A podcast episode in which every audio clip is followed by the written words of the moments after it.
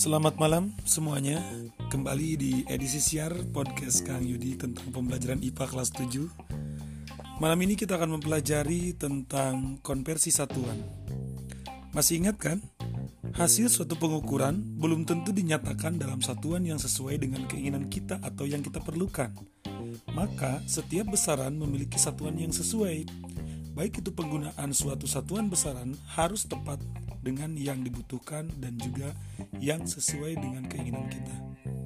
Nah, masih ingat contohnya di sesi sebelumnya, jika panjang lemari itu adalah 2 meter sedangkan kita memerlukannya dalam satuan sentimeter, otomatis kita butuh skala untuk konversinya atau untuk mengkonversi atau mengubah dari satu satuan yang satu ke satuan yang lainnya, kita membutuhkan tangga konversi.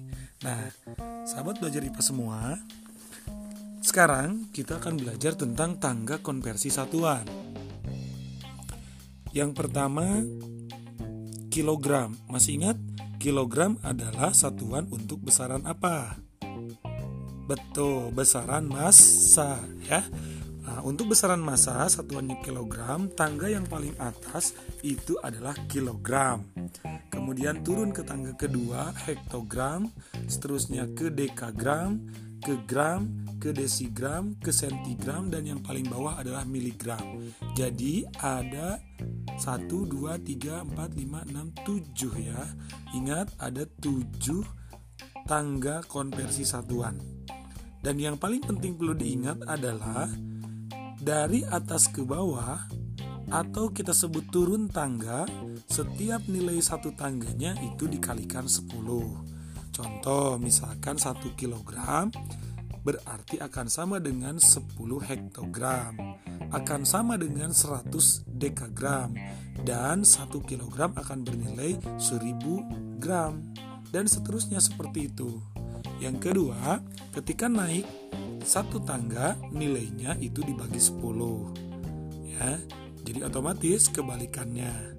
Sekali lagi kilogram, hektogram, dekagram, gram, desigram, sentigram, dan miligram turun tangga dikali 10 untuk satu tangga, naik tangga dibagi 10. Bagaimana kalau untuk menentukan yang besarannya panjang yaitu satuannya meter. Sedangkan kita butuh dalam satuan misalkan kilometer atau milimeter. Nah, maka sama konversi tangganya adalah 7 yang tadi cuma kita tinggal ganti saja kalau tadi kg sekarang menjadi km jadi untuk besaran panjang satuannya meter, tangga konversinya dimulai dari kilometer, hektometer, dekameter, meter, desimeter, sentimeter, dan milimeter.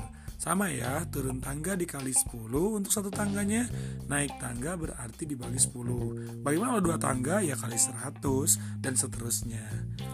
Nah, bagaimana kalau untuk sekon apakah untuk besaran waktu juga bisa dikonversikan seperti itu?